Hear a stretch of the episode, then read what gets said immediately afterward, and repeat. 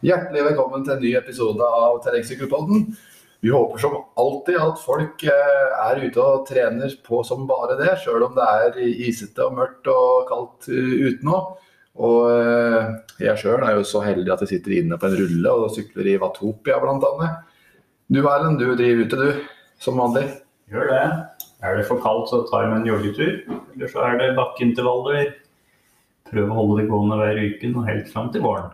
Ja, du er en sånn uteperson. Ja, altså. Du kryper aldri inn i noe treningsstudio, du. Nei, jeg har prøvd det, men det, det var liksom ikke noe, noe som ga mersmak. Nei. Nei, men uh, hver sin smak, får en si. Det er, jeg syns det er fint å trene ute, ja, men det er liksom så utrolig behagelig. Så selv om det er kaldt og mørkt ute, å sette seg inn på et rom med, som er godt opplyst, og du har på en måte en stor eh, skjerm foran deg der du har en sånn virtuell virkelighet, og, og eh, du kan høre på fin musikk, og du bør ikke være redd for å bli påkjørt. Det er noe av det beste jeg syns med Swift, da, blant annet. Ja, nei, jeg skjønner jo Det er jo den tida her på året som er den verste i forhold til å være syklist. Ja. Um, og da tenker jeg spesielt på det, den tida før snøen har lagt seg, og man har muligheten til å gå litt på ski Mm. i tillegg. Eh, det er mørkt og kaldt og glatt. Ja. I hvert fall i dette området av landet. ja. Eller så er det jo Black Friday nå, da. Så ser det er masse, masse gode tilbud på eh, sykkelkomponenter. Ja, det er uhorvelig gode tilbud nå. Um, man skal jo ikke la seg lure, men er- er det tilbud på deler du uansett trenger og skal bytte ut, så er det jo ikke noe grunn til å ikke slå til nå. Men jeg må jo si at det er nesten frustrerende, og som vi har pratet om mye, da, denne mangelen på um, deler. Mm. Det, Ja. det er rett og slett vanskelig å få tak på reservekomponenter nå. Ja, det sier spesielt kassetter. Ja, og det er, det Jeg vet ikke når, når man kan forvente at det er mulig å få kjøpt uh, deler igjen. Nei. Øh, Jeg ser jeg driver skal ha tak i kassett, eh, og da er det XD og XDR er jo utsolgt. Og det har det vært uh, i flere måneder. ja. Det, det kommer jo ikke inn her, men jeg ser SLX, da. Mm. Det er tidligere ble kalt LX. Uh, den, eh, den er jo inne. Ja da. øh, Det det er fortsatt litt sånn da, at når du går litt ned på øh, i prisklassene, altså på litt billigere drivverk, da er vel GX i forhold til SRAM og sånn, Mm. så, så er det mulig å få tak på noe. Så Ja. det er bra hvis du bare skal bytte ut deler på treningssykkelen. da. Ja, det er verre hvis du skal bytte deler på konkurransesykkel. Ja, da, da er det snart at du må kjøpe en ny sykkel. Ja, det koster jo sitt. Men ellers så Jeg var inne på Bikeshop eh, i dag og så, så litt på alle de tilbudene som ligger der på, på Black Friday-tida som er nå. Så det er jo Det var jo helt vanvittig mye. Og det er jo sånn at jeg tenker jo ikke over til normalt at jeg skulle ha trengt det, eller skulle trengt det, eller skulle trengt det. Men når en går inn på den eh, hjemmesida og begynner å scrolle, da blir en fort litt vass inn i munnvikene. For det er mye fint der som en egentlig trenger. Ja da. Og spesielt mye fint er vintersykling. da. Ja. Både hansker og sokker med batterioppvarming og vest med batterioppvarming og you name it. Skoovertrekk, hansker, ansiktsmaske. Bruker du en ansiktsmaske du når du driver ute? Nei, det gjør jeg ikke. Jeg kjøpte det en gang, men eh, brukte det aldri. Fordi ingen kjente igjen deg etterpå? Nei, Nei men uh, bruker eh, tjukke bøffer, ikke de tynneste, som man ofte får i, som reklamebøffer, men eh, kjøper litt tjukkere typer. Mm. Og det funker bra, det. Ja. Um, ellers er det jo det som er artig med sykling, egentlig. da. Altså at det er, det er alltid noe nytt. Det er alltid noe man skulle hatt. alltid noe man skal, ha, noe man kan teste ut. Og, um, det, men det er jo det økonomiske aspektet, da. Og det var litt det jeg tenkte jeg skulle prøve å diskutere litt med deg i dag, da. Det økonomiske aspektet. aspektet. Ja. Eh, og, hvis, hvis, og da tenkte jeg hvis man ser for seg en, eh, en case, eller du har en viss sum Mm. disponibelt da, som du kan bruke i forhold til trening. Og nå prater du på det eh, Du har masse utstyr hvis du skal sykle ute. Mm.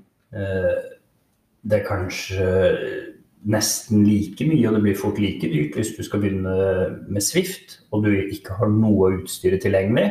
Mm. Um, eller Og det er det jeg mener. La oss si du har 15 000-20 000 kroner, da. Og så målet ditt er å bli en best syklist. Mm. Hva, hva ville du brukt penger på da? Ville du brukt så du hadde fått et eget Swift-studio hjemme, da? Og da tenker rulle og data kanskje, og alt det her du trenger for å svifte. Mm. Um, eller skulle du brukt det utstyret du har, kanskje kjøpt litt ekstra så du kan sykle ute, et par uh, svalbe is, ispiggdekk, Mm. og så brukt resten av penga på å ansatt en egen personlig trener. Mm. Hvordan ville du gått fram? Hvordan ville du brukt de pengene?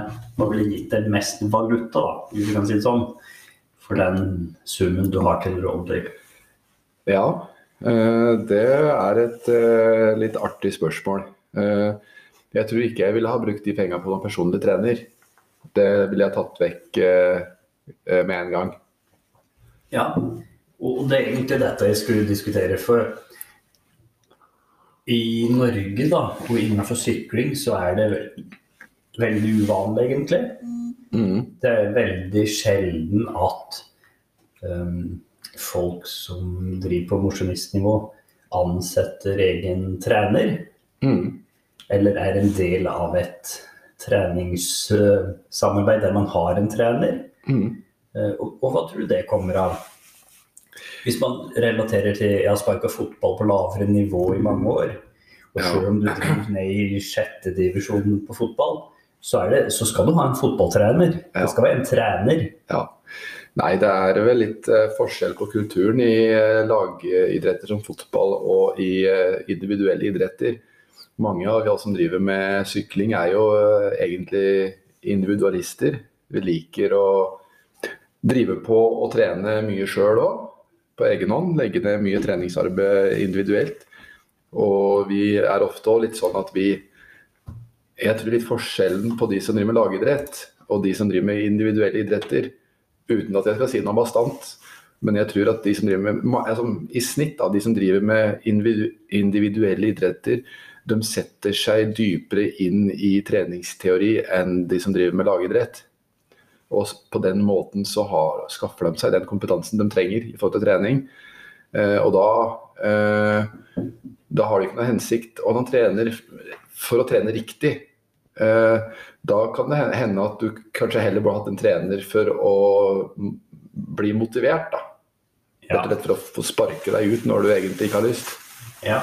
Eh, kanskje jeg skal heller stille spørsmål på en annen måte. For nå, nå vet vi at du har master innenfor treningslære og den slags. Og, så, så du vil jo nødvendigvis vite hvordan man skal sette opp et treningsprogram, hvordan man skal trene riktig osv.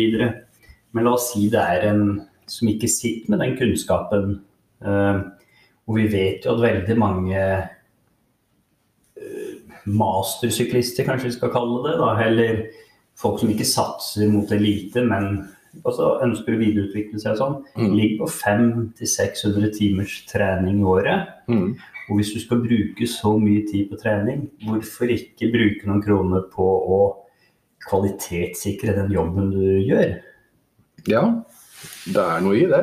Også, hvis jeg, hvis jeg bruker meg sjøl som eksempel, da, så tror jeg jeg brukte omtrent åtte til ti år med trening før jeg begynte å skjønne hvordan man skal trene for å få mest mulig effekt. Ja. Fordi å finne opp kruttet sjøl, da bruker du lang tid. ja, man gjør ofte det. Så Men samtidig så er jo trening eh, relativt enkel òg, da. Det er jo på en måte Men, men det som eh, Ja, men du, du kan jo si det fordi du vet det, og du har lært det. Ja. Men er det nødvendigvis sånn at alle vet det? At trening egentlig er eh, forholdsvis enkelt, da. Ja. Jeg tror nok eh, kanskje mange kunne hatt noe utbytte av noe, noe småkurs, kanskje. Eh, Ja. Jeg vet at Ha en sånn sparringspartner i hverdagen som gir deg tilbakemeldinger. ja. Og, og la oss si du er i full jobb, trener 600 timer i året. Um, ikke sant? Full jobb, familie. Vil ikke da være en stressfaktor å samtidig måtte planlegge, sette opp ditt eget treningsopplegg, evaluere treninga osv. osv. Hvis du kan få et program, og så har du en som, som gir deg tilbakemeldinger om du skal forandre etter hvert. ja. Men tar den ikke òg litt bort uh, gleden ved selve idretten? Altså gleden av å prøve og feile og teste og evaluere og finne hva i all verden er det jeg har gjort feil nå? Uh, er ikke det òg litt av sjarmen med det vi driver med? Jo da, det er jo det. Men uh... Men du er inne på noe, og det er jo forskjellig fra person til person. altså. Veldig mange vil bli motivert av å ha en trener som på en måte sparer med en hele tida og evaluerer treningsprogrammet og sier hva han skal gjøre den og den dagen, hvilken intensitet man skal kjøre på osv. Så, videre. så um, det er klart at for veldig mange så ville det vært uh, en god ting. Kanskje ikke for lommeboka, men for uh, formen. Nei da. Men, øh, nei da. Og jeg, jeg, vi skal jo ikke si hva som er riktig eller feil og den slags, men veldig mange vil bruke 20 000 kroner på å kjøpe seg rulle og ordne i forhold til Swift og sånn, Mm. med den målsettingen at man skal bli en bedre syklist. Mm. Eh, Men det kan hende at du får en Det kan like så rimelig hvis du Og det trenger jo ikke å være en egen trener, da, men det kan jo være en F.eks. en leder i klubben du er i, eller, Mm. Mm. eller en kamerat. Ja. ja. En ting som, eh, som jeg har lært, egentlig, da Eller jeg vet ikke om jeg har lært det ennå, men eh, jeg har lyst til å prøve, litt, prøve det litt ut. Og Det har vi snakka om tidligere òg, men det å ikke bruke puls som intensitetsstyringsmåler, men bruke wattmåler i stedet. For det jeg har eh, tidligere bakgrunn som løper og langrennsløper og, og det greiene der, så har det jo vært veldig fint å bruke eh, pulsbelte, altså pulsmåler, for å se hvilken intensitet man ligger på. Eh, mens på sykkel så kan du føle at du, du sitter og presser på, eh, men du får ikke opp pulsen. Samtidig så hvis du hadde hatt en wattmåler, så hadde du jo sett at watten den var jo egentlig langt over den intensitetssonen man skal ligge på. Samtidig som eh, pulsen den er den blir ikke veldig høy. Og det syns jeg er litt spesielt med sykling i forhold til mye annet. At eh, eh, man bruker på en måte litt lengre tid å få opp pulsen. Iallfall så er det sånn for min del. Så Ja. det kan nok hende at det, det blir en wattmåler på meg til neste sesong. Ja da. Jeg har jo akkurat solgt min egen wattmåler, men det, det står høyt oppe på ønskelista, det altså. Men, Ja. eh, For det Den beste effekten med wattmåleren, da, det er jo at man starter dragene, man starter treninga på riktig intensitet. Det er akkurat det. Og da får man Da blir kanskje ikke intervalløkta like pytonell, da. Eh, Jeg har en tendens til å åpne for hardt på draga når jeg kjører på puls. Sjøl om jeg ikke kommer opp i sona på første draget, så blir, blir eh, draget for hardt likevel. Ja. Med og, og da vil man få den litt negative følelsen underveis, at det, man blir, at det går saktere og saktere. Men samtidig så, og det å trene på watt, det er jo det er ikke bare å begynne med det heller. Eh, Man må jo eh, ha litt kunnskap om det for å få bruke, for å bruke det verktøyet riktig.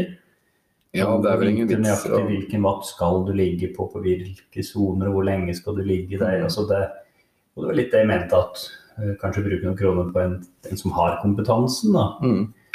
Nå vet jeg ikke engang om det finnes noen som tilbyr den tjenesten. da. Um, Jo, det gjør vel faktisk det, men uh, kanskje jeg skal gjøre det sjøl. ja.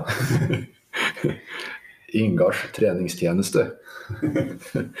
Nei da. Men uh, uh, watt, det er helt genialt for dem som sykler. Det var noe jeg tenkte på som skulle si noe, men det ble jo borte fra meg, gitt. Uh, ja. Nei, nei, men det blir artig hvis du får eh, kjøpt en sånn nå. Og det, man ser jo med en gang om man har fremgang eller ikke. Jo, nå kommer jeg på hva jeg skulle si. Eh, skal man trene med watt, så må man vite terskelvatten sin. Ja, det var jo litt det vi mener at det, ikke, det gir deg ikke så mye hvis du ikke Nei. vet hva terskelvatten din er. Og, Og veldig ofte så, har man, så tenker man at man har en høyere terskelvatt enn det man egentlig har. Pga. at man har kjørt en intervalldrag på en eh, watt som kjennes helt grei ut. Eh, og så viser det seg, og så tenker man at det er sikkert det som er terskelvatten min. Terskelvatten min. Men terskelvatten er jo faktisk eh, den snittvatten du klarer å holde i en time sammenhengende. ja. og så er det sikkert 20 forskjellige definisjoner på hva terskel er for noe, så vi trenger ikke akkurat gå inn på akkurat det. Men eh, For å si det enkelt, da. Terskelen er det punktet der eh, du eh, akkumulerer akkurat like mye melkesyre som det du produserer. Ja. Og, og det er jo for så vidt greit, men å vite i hverdagen hva terskelen din er, den kan være litt vanskelig. Det var egentlig det jeg mente. At øh, hvis du klarer den farten du klarer å holde akkurat i en time uten at du surner, da, for å si det sånn, Ja. den kan variere fra dag til dag. Ja. og jeg tror ikke nødvendigvis, når man sier at man skal ut og sykle en terskeløkt, at det er nødvendigvis der man skal ligge. Altså rett under der du zoomer. Nei. Fordi det, det er litt eh, Det er litt for diffust.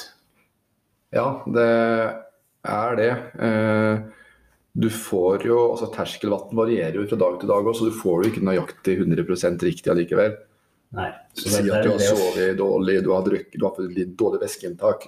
Kanskje gått for lang tid siden sist måltid. Eller kanskje for nært treninga med sist måltid. Alt, alle sånne ting vil være med å påvirke terskelvann. Sånn at det, du, får ikke den 100% nøyaktig treningsintensitetsstyring uansett hvordan man vrir og vender på det. Men, eh, men eh, at det er en god indikator. Og så skal man drøfte, da. Eh, Skal man, skal man ligge på terskelvatt under draga? Skal man ligge under terskelvatt, eller skal man ligge over? ja. Og der eh, kan man jo diskutere seg fram og tilbake. For det kan godt hende at det, det kan være forskjellig fra person til person òg. Kanskje noen trenger å ligge på 110% av, eh, av terskelvatten sin da. På, på draga for å få framgang, mens andre får veldig bra framgang når de ligger på 90% av Ja. terskelvatten sin. Ja, ja. Og fremgang, det kan være én ting. Det kan være ø, kortvarig, og så har du det med langvarig fremgang. Og så har du det med ø, For min del så, så er det veldig kurant å ligge litt under det du føler at du kan ligge på hvis du måtte. Mm. Eh, I forhold til at det er mye lettere å komme seg ut på de øktene her, hvis du vet at du ikke skal, skal- kverke deg Du sjøl. dømmer ikke, liksom. Nei. Du vet at du kommer ikke til å gå gjennom et helvete. Og at du eventuelt kanskje starter første draget enda litt roligere enn f.eks. det siste. da. Ja. Det er også at innad i økta at du kjører litt forskjellig. Ja, og jeg tror at veldig mange vil få den opplevelsen hvis de kjører på terskelvatt, at de blir overraska over hvor lett første draget føles. Ja. Det tror jeg nok. Og eh, eh, du kjørte jo en del på watt nå, en del motbakkedrag. Og jeg følte du hadde veldig framgang eh, utover på grunn, med bakgrunn til den treninga der. Ja, ja, det er nok den opplevelsen jeg har sjøl òg. Altså bare ble kall det sterkere og sterkere utover sesongen. Ja. Rett og slett ved å kjøre mer kontrollert hele sesongen, da. Ja. Ehm, at, det, at det blir ikke for mange dager med sure ben, da.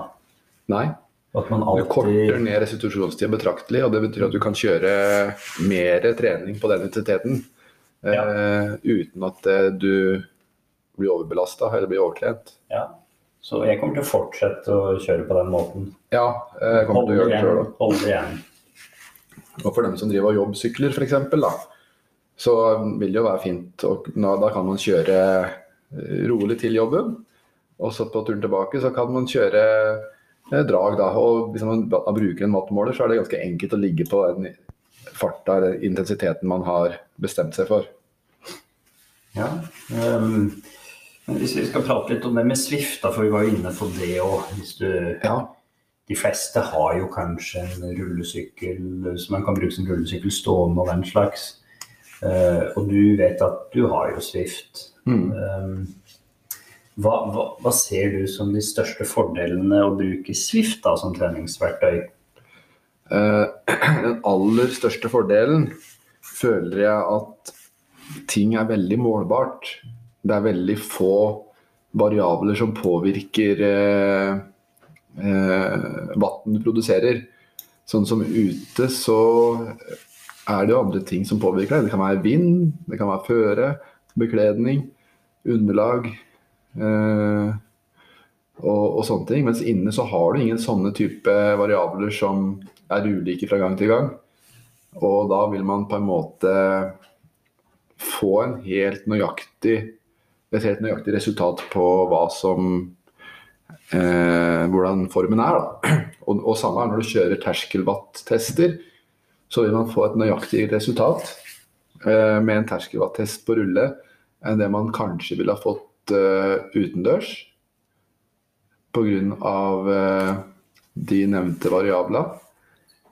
Ja, um, men så ser vi at veldig mange som bruker Swift, uh, bruker Swift primært i forhold til Eller ikke primært, men er veldig fokusert på det her med de uh, ritta fellesritta som foregår der inne. Ja.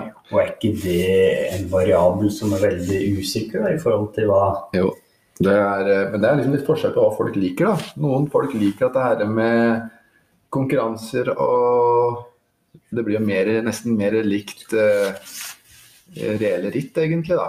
Uh, når man da kjører sånne ting.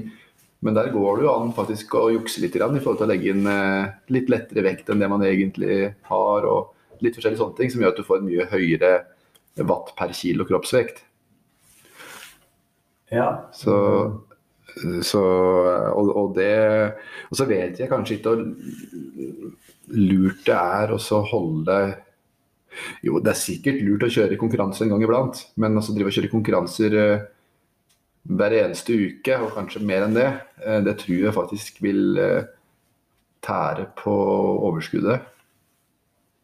Ja, altså det Vi ser jo mange som er i toppform i april-mai fordi de har hatt en heftig Swift-sesong. Mm. Uh, men uh, nå vet jo du f.eks. at du, du, har jo ikke brukt Swift i forhold til ritt, men i forhold til systematisk trening. Og at det er uh, tidseffektivt, det er lavterskel. Det er liksom bare å Ja, det er veldig enkelt. Du bør ikke bruke mye tid på å tenke på bekledning. og ta med deg masse næring og sånne ting. Det er liksom, når jeg kjører fra jobb, så stopper jeg på, på treningssenteret.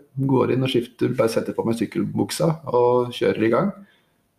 Uh, og så når jeg er ferdig, så er det bare å stappe seg en banan og drikke litt og kjøre rett hjem Ja. Så det er, liksom, det er tidseffektivt. Ja.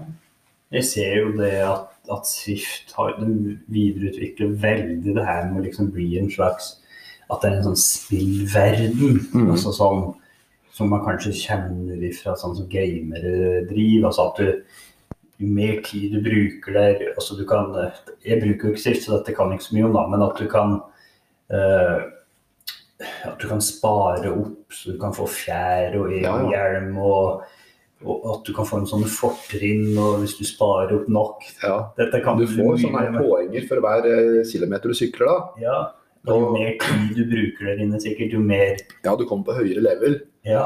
Så det er nesten som i spillverdenen, at du kommer på høyere og høyere level, ja. og så tjener du opp poeng som gjør at du kan eh, ja, skifte både sykler og drakter og, og ja, briller, hansker og sånne ting. Så du blir på en måte litt sånn belønna ifra, ifra spillet på, på, et vis, med poeng for, hvor mye sykler. Så i tillegg så er det lagt inn sånne her segmenter der du hele tida du får du blir gjort oppmerksom på at du kommer inn i et segment, en sånn bakkespurt eller et eller annet sånt. Og så, um, og så eh, starter tida så fort du kommer dit. Og så vil du jo se nøyaktig i forhold til resultatliste etterpå eh, hvordan det går. Andre ting med det er at, det, at det, du sykler jo på en måte i en sånn virtuell virkelighet. da. Eh, sånn som i Vatopia så er det jo både undersjøiske tunneler og Det er jo sånn glasstunneler og, og det er jo dinosauruser der, og det er jo masse sånn spennende ting, da. Mye fint landskap. Fossiler som ligger her og der. og Favorittrunden min der er 'Dust in the Wind'. Ja. Så den går litt i ørken og litt i, i jungelen. ja. Så det er, det er, jo, det er jo litt moro. Men jeg, jeg syns Jeg har ikke sett den eh, verden der før. Men, men det, i går så sykla jeg på en plass som jeg ikke helt eh, kjenner igjen fra før. Så jeg tror det, jeg tror det utvikles nye verdener hele tida. Ja, ja, ja. Spare opp dråper. Spare opp dråper, ja. ja. ja for du får, du får, dråper, da. Uh, og så får du jeg tror du får 20 XB for hver kilometer du sykler. Ja. ja. Så det er en sånn gledesrus for hver kilometer som passeres, så du får en ekstra dråpe. Du kan sitte og sykle hele døgnet snart nå. Ja, jeg har egentlig tenkt å slutte å jobbe. Bare komme meg inn dit og sitte og sykle og kose meg. Nei da, vi skal ikke være sånn gretten gamle gubbe, men det er jo sikkert lurt å være bevisst hva man ønsker, at man er bevisst hva man ønsker å bruke Swift for å oppnå. Ja. Um, og hvis alternativet bruker bruke 15 000 på å ordne det, eller f.eks. reise med en kompisgjeng og sykle i utlandet, så vet jeg hva jeg ville valgt da, i hvert fall. Du ville valgt rulla? Da ville jeg valgt rulla, ja. Ja, ifra det ene til det andre, så uh, det er vel ikke lenge før det ligger et tjukt stølag uh, ute. Og i den forbindelse så er det mange som tar, går over til å bruke skia mye. Men så har vi jo dem som eh, faktisk ser muligheter i eh, eh, vintersykling på fatbike òg. Har du vært noe særlig borti det, du? Jeg har aldri eid noe fatbike. Jeg har hatt mye kompiser som har investert i fatbike. Mm. Hvor alle etter kort tid har solgt den igjen. Ja. Fordi det var kanskje ikke sånn som man forventa at det skulle være. Nei. Um, noen syns at, at, det er for treg følelse. Mm. Og andre enn kanskje syns det er mer givende og spennende på seg skia og gå på ski i skiløypene i stedet for å sykle på en fatpark der. Ja. Men uh, noen steder i landet, som i Finnmark f.eks., og også andre steder så er det veldig populært, og de lager egne løyper til eh, fatbike-sykling. Mm. Um, så det må, jo, det må, jo, være givende på noe vis for, ja. for noen, da. Ja, for det, jeg ser jo Jeg er mye ute på skia sjøl om vinteren, og jeg ser jo en veldig økende trend da, i forhold til folk som eh, kommer på fatbike i skiløypa. Og det tyder jo på at eh, det er mange som liker det. Ja, ja. Så... Og, og det, det, er vel sikkert der som med alt annet har du riktig utstyr eh, i forhold til hvordan været er, og i forhold til den løypa du skal sykle, så er det artigere. Mm. Eh, det er sikkert stor variasjon på fatbiken nå. Ja, og så er det sikkert ikke så lett å kjøre fatbike hvis det er altfor løst. Nei, det... Du må jo ha litt faste forhold. Ja. Men de gangene som jeg har møtt uh, folk på fatbike, så har jeg blitt overraska over hvor lite spor de egentlig setter i løypa. Man kunne kanskje tro at uh, fatbike-ryttere vil bli et på en måte litt uønska element i skiløypene. Men uh, det tror jeg ikke, for det, du ser jo at det, det er De setter jo nesten ikke spor. Ser, det er jo spor der, men det er ikke noe spor som går noe dypt i snøen. Og Eh, jeg er spent på å se på utviklinga, om at dette er noe som kommer til å bli mer og mer for hvermannsen, eller om det bare vil bli en, en litt mindre gruppe for spesielt interesserte. Ja, um, det er jo ikke så veldig mange av dem ennå, men jeg ser at de, de, begynner å produsere elektriske fatbiker òg. Har de begynt å gjøre det òg, ja? Ja, Ja. Da, da vet du, da er det sikkert mange som uh, syns det er gjevt, da. Så Ja, for det, hvis den går For det er ikke så lett å sykle sånn jevnt på fem, for det er 25 km i timen som er grensa, er det ikke det på dem? Ja, og om det er 300 eller 400 watt, 300 watt, ja, som de motorene kan gå til. Ja, så det er eh, sånn ute i litt tungsykla vinterforhold, så kan nok hende at man har mer effekt med en elmotor på en fatbike enn man vil ha på en lettere sykkel ute på, på sommerføre.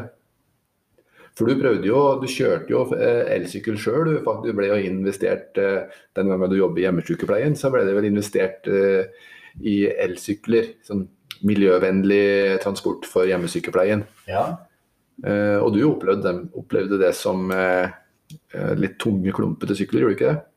ja tunge og trege.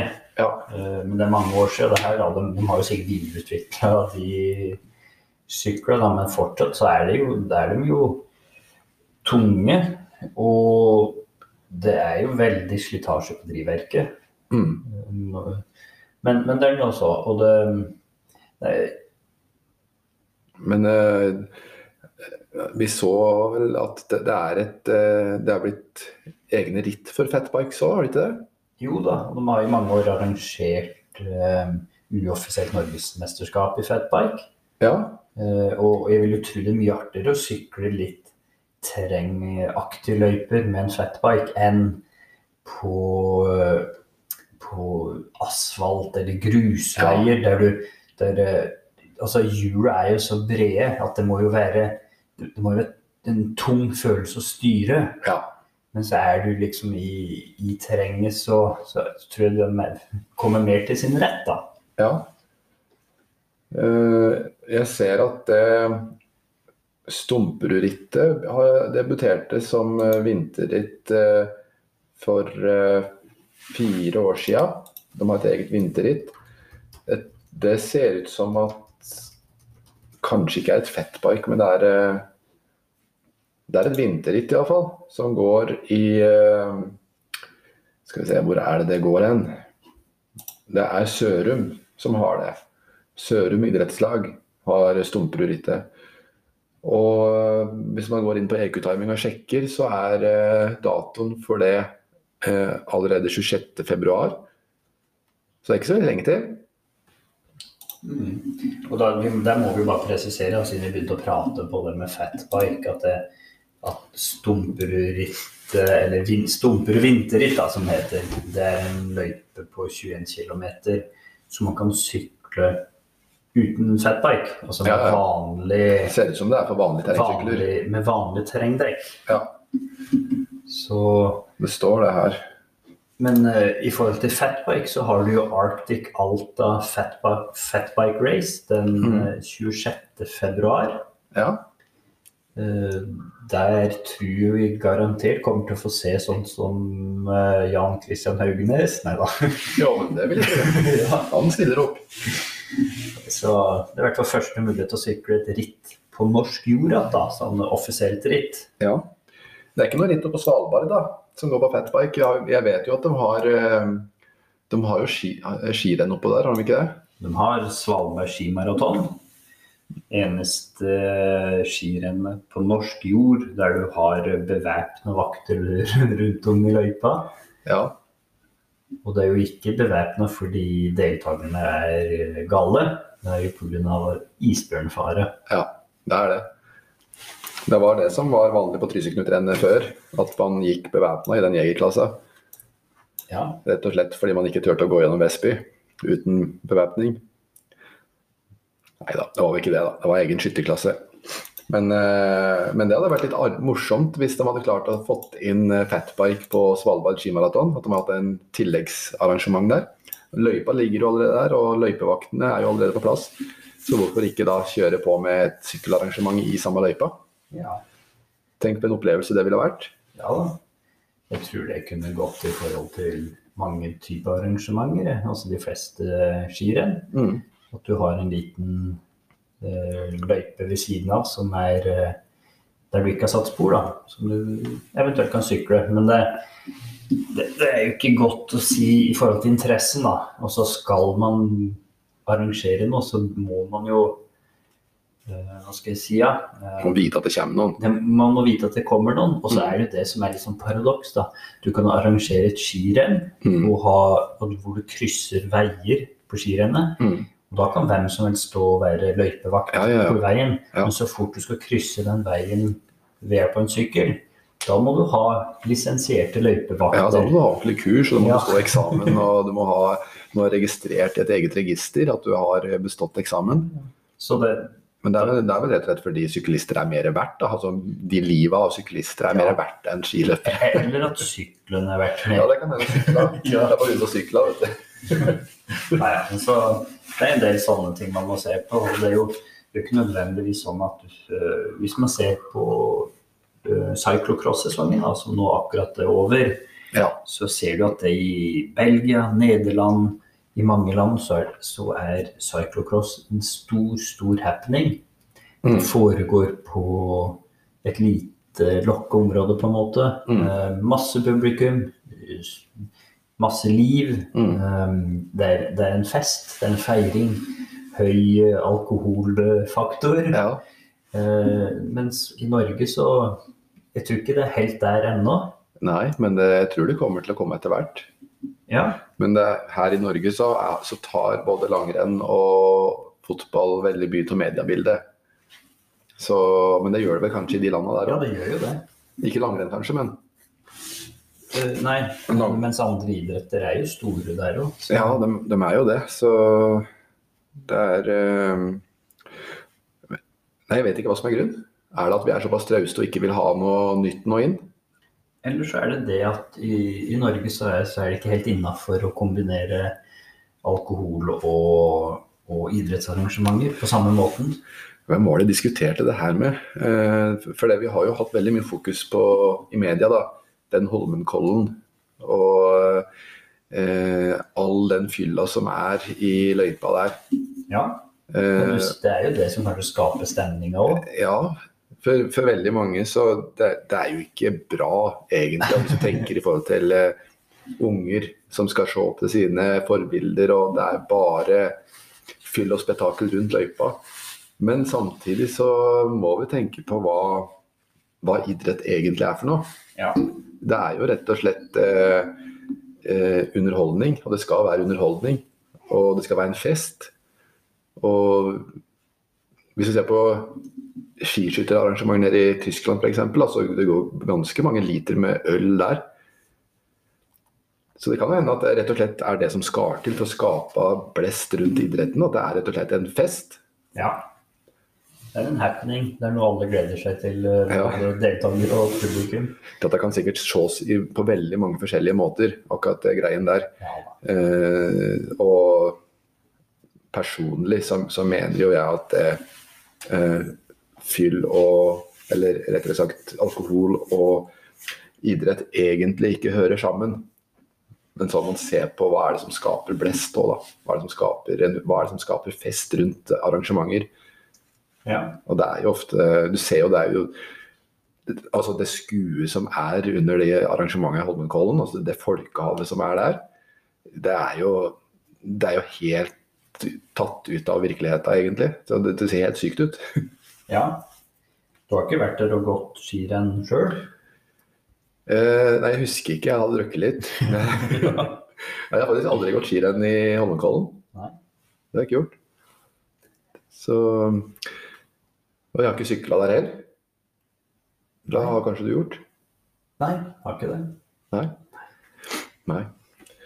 Nei da, så Vi får nå se egentlig hva cyclocross blir i framtida. Men men jeg mener at veldig mange eh, sykkelritt- og turrittarrangører, eh, når de allikevel har et arrangement, så at de da bør kanskje ha et tilleggsarrangement for cyclocross-utøvere. Mm. Og, og, så må man jo si, med tanke på alle de kravene i forhold til løypevakter osv., um, så er det mye mer publikumsvennlig og mye mer uh, mye enklere å arrangere et cyclocross-ritt. Mm. Der du er på et lukka område, og det er runder du Kjøre sykler. smårunder, ja. eh, enn f.eks. ordinære For ikke snakke om landeveisritt, da. Mm. Der du trenger masse, masse logistikk, masse dugnadsfolk. Ja. Eh, nei, altså, så jeg håper at cyclocross-gren innenfor sykling kan bli At vi kommer dit at du har egne folk som satser kun mot, mot det. Ja. Primært nå så er det jo liksom litt sånn syklister, skal ha det litt moro. Ja. Terrengsyklister bruker du litt som trening. Og så har du noen selvsagt som Ja. kun driver med cyclocross. Ja. Men, men de fleste har det bare som en sånn tilleggssesong. ja, ikke sant. Jeg tror nok at de fleste du ser på startstreken i eh, cyclocross, eh, det er nok folk du ser på startstreken i eh, terrengritt og landeveisritt òg. Ja. Så men man kan tenke litt hva, hva, vil, hva er det byråkratiseringa gjør med sykkelsporten? Eh, landeveisritt nå, det fins ikke mange sånn breddearrangement igjen på landeveisritt, hvis du ser bort fra Trondheim-Oslo. Nei, bredd Det skjer nesten ikke lenger, nei. Nei. Det er de Eh, store. Det er sånn Tour of Norway og Ja. Arctic Tour of Norway. Norgescup og NM og de greiene der. Helt øverste nivå. Ja. Men samtidig så mister du jo hva skal vi kalle det, lekeplassen for eh, dem som er unge, da. Og som kanskje bare Ja. vil prøve seg innenfor idretten og Ja, og det, jeg tror at noe av grunnen er eh, at det byråkratiseres og vanskeliggjøres eh, fra eh, det offentlige. Altså, det, er, det er en såpass stor prosedyre som man må igjennom for å få arrangert det. Så det er jo veier som kanskje må sperres av, eh, og alle må jo ha høy Ta, ta kompetansekrav. Skal man, skal man være løypevakter og den biten der. Ja, men det er, det er eh, virkelig utfordrende å være arrangør av sykkelritt. Mm. Eh, Men samtidig så, så må man jo forstå det òg. Altså, skulle, skulle det skje at en syklist mister livet sitt pga. Uh, ja, f.eks. veipassering som, der du ikke har god nok sikring Ja. eh, det, vil, det, vil ikke, eh, det vil ikke være bra. Nei, det er sant. Det er, eh, Jeg lurer på hvordan det blir i, i framtida. Om etter hvert kanskje alle sykler må legges ut utafor trafikkerte veier. ja, kan godt hende. Det kan fort skje. Uh, vi, vi pratet litt på i forrige episode om det med at NM i cyclocross hadde blitt arrangert. Mm. Men jeg husker ikke helt om vi glemte eliteklassa. Jo, det tror jeg gjorde det. Vi prater bare om masterklassa. Vi kan vel si at det var han Tobias Halland Johannessen som sykler for Uno X uh, Dare Development Team, som vant, og dermed norgesmester i cyclocross i år. Mm. Altså en uh, landeveissyklist. På andreplass ble det Mats Tubås Glende. Mhm. På tredjeplass Knut Røme. Velkjente mann Ja, ja, Ja. Og det er jo Så da ser vi at det er en landeveissyklist på førsteplass, og terrengsyklister på andre og tredje. Ja. Og så har du også Torstein Træen, som er en vanvittig god uh, landeveissyklist, på sjetteplass. ja. Men det sier litt om nivået på terrengsyklister, syns nå jeg, da. Ja, og, og den, den ble bare slått av Tobias Johannessen med, med 25 og 37 sekunder. Hadde det ikke vært for han, så hadde det vært to terrengsyklister på topp. Ja, Det er jo litt spesielt. Men det har vel noe med at det er såpass teknisk? det er det. Det er ikke bare vann du produserer som har noe å si. Nei. Eh, du skal jo løpe opp bakker, kneiker. Mm. Av og på sykkel, og utstyret skal holde, og det er Ja, ja. svinger, og det er Ja. Men blant damene da, så vant Mie Bjørndal Ottestad foran Susanne Andersen, Stine Borgli. Eh, Så her har du vel primært eh, landeveissyklister, da, som jo med Odala Fors på fjerde. Hun er vel terrengsyklist. terrengsyklist, ja. Så, og Gjerterud Bø, hun prater vi på i siste episode. på, ja. Hun ble nummer 11 da, blant kvinnene, men hun stilte i master 60-64 og vant den klassen. Så nei, det er veldig bra. Vet du hva jeg er litt bekymra for, for for tida her? eh, korona. Yes. Det, jeg syns det er litt skremmende med de smittetallene vi ser nå. Ja. Tror hva som eh, om, om det kommer til å ha noen påvirkning på eh, oppkjøringa til neste sesong, eventuelt til og med neste sesong. Det, han vet jo ikke. Nei, eh, for min del skal jeg ta tredje vaksine nå. Tredje dosen med vaksine. Så Ja. det gleder jeg meg veldig til. Ja. Å få Så man eh, igjen har eh, litt sikring, da. Så man Ja. vil, vil nødig bruke flere uker på sykdom. Mm. Man øh, regna jo med at to doser skulle være nok til å begrense smitta, men det er vel i hovedsak graden av sykdom som er, eller så hvor syk man egentlig blir, man egentlig beskyttes mot. Ja. Man blir ikke noe mindre smitta av, det, av den grunn. Nei, det virker som det er det som er greia, ja. At du unngår alvorlig sykdom, og kanskje du ikke smitter videre så lett, da. Men så ser vi samtidig at det er, det er jo økende antall innleggelser på sykehus òg. Man, man legges jo ikke inn på sykehus uten at, det, uten at det man eh, er ganske skral. Nei. Så øh, det kan være fornuftig å ikke glemme at koronaen fortsatt finnes. Nei. Ehm, Sånn sett er jo Swift en fin ting, da. Det er jo sosialt. Du trener jo med folk uten, Uten å at fysisk møtes. Så er, selv om man sykler tett på noen på Swift, han risikerer ikke noe smitte da. Nei, jeg tror ikke det er påvist at det er smittsomt. Nei. Nei. Nei, vi får se. Det, det hadde vært skikkelig nedtur med en ny sånn off, altså en ses sesong med lite ritt. Ja, og sånn på kort sikt så ser vi jo det at det kan bli vanskelig å reise utenlands igjen.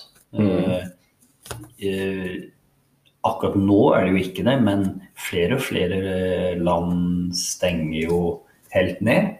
Ja. Du har Østerrike som nå sist, var sist ut. Ja. Eh, og så kan det gå videre til flere og flere steder. Mm. Sånn at hadde du planlagt en tur til utlandet for å trene, så kanskje ikke det blir noe av. Nei. Så får det påvirkning på, på treningsjobben som må gjøres, da. Ja, det er akkurat det. Så jeg snakka med en sånn telefon sånn eh, Hva skal jeg si for noe? Rådgivningstelefon. For jeg har, eh, jeg har planlagt en utenlandsk tur i, i desember. Eh, og for å komme tilbake hit, hvis man er fullvaksinert, så er det ingen eh, karantenekrav i det hele tatt. Nei, eh, det kommer an på hvor du har tenkt deg.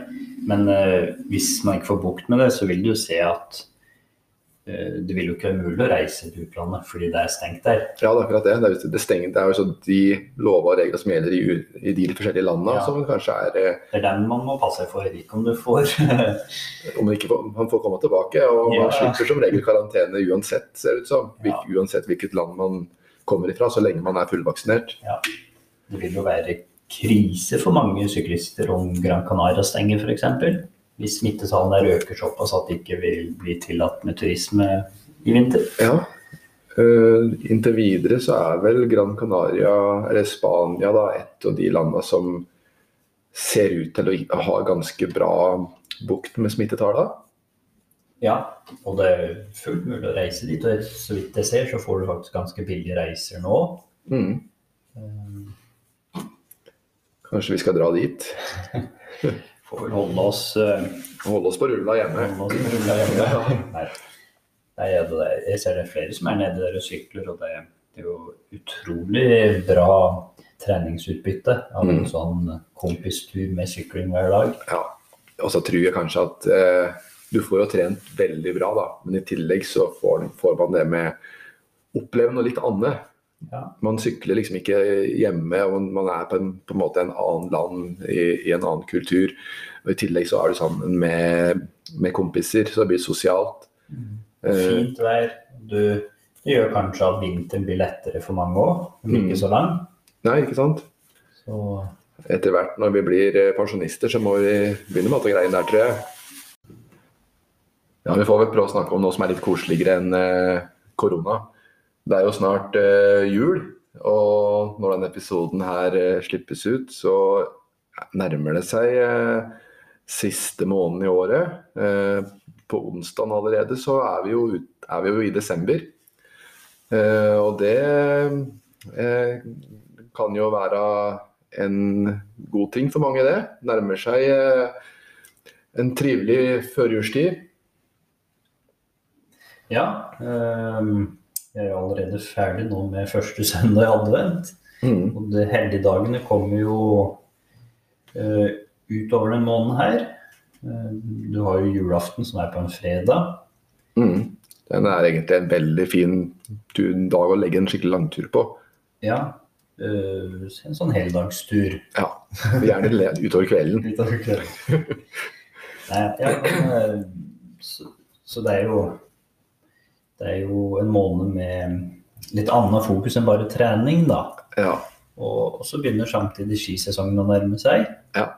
Du har jo, for min del, så har jeg pleid å gå sånn romjulsrennet på Sjusjøen, da. ja, det stemmer. Ja, det går jo det òg, ja. Så Så jeg pleier vel å ha et testrenn i, på Rena, gjør det ikke det? Et sånn treningsrenn. jo, jo. Så det er mye sånn småting som skjer utover på skifronten. Så Det er fare for det blir, blir en del eh, skisnakk framover. mm, det kan fort bli det når vi begge to driver med ski. Så ellers så håper jeg at det ligger noen sånne sykkelrelaterte julegaver under tre år, da. Ja, det Det er jo å håpe på. Det som er eh, som jeg syns er vanskelig når jeg ønsker meg ting, eller folk spør meg hva jeg ønsker meg, så sier jo alltid et eller annet sånn sykkelting eller noe skiting. annet. Men det er at det er så spesifikt, så er det så vanskelig for folk å, å kjøpe akkurat det man ønsker seg. Ja. Sykkelslange. Det er liksom ikke Hvis man sier nei, jeg ønsker meg nye trinsehjul, Ja. så er, så er det ganske mange forskjellige av det. Jeg ønsker meg et nytt kranklager. Nei, det, det er jo sant, det, da. Og, eh, og det, sykkelting kan jo få for eh, alt ifra nesten ingenting til eh, veldig, veldig dyrt. Så Men eh, vi får da håpe at det folk eh, får brukt eh, desember måned til eh, mye god trening. Lagt seg et skikkelig grunnlag fram til eh, neste sesong. Eller ja, neste sesong. Og så kan vi bare si det at nå på fredag så er du i området rundt Trysil elverum da, og har mulighet på fredagskveld. Så feirer vi Sør-Osen idrettslag 60 år som idrettslag. Mm. Hvor bl.a. da Tor Gotaas har sagt han skal komme og si noen få ord. Ja. Um, I tillegg til at vi skal ha et lite framlegg, da. Ja. Så det begynner klokka seks i Sør-Osen på Samfunnshuset der. ja. Og kaffe og kaker og den slags. Og det er helt gratis. Kan bare dukke opp hvis du har lyst. Tenkte ikke å si 500 kroner inngangsbillett, jeg. Ja. Nei da, det er helt gratis. helt gratis. Så da gjenstår det vel egentlig bare å ønske alle sammen en god treningsuke. Så snakkes vi som vanlig neste mandag.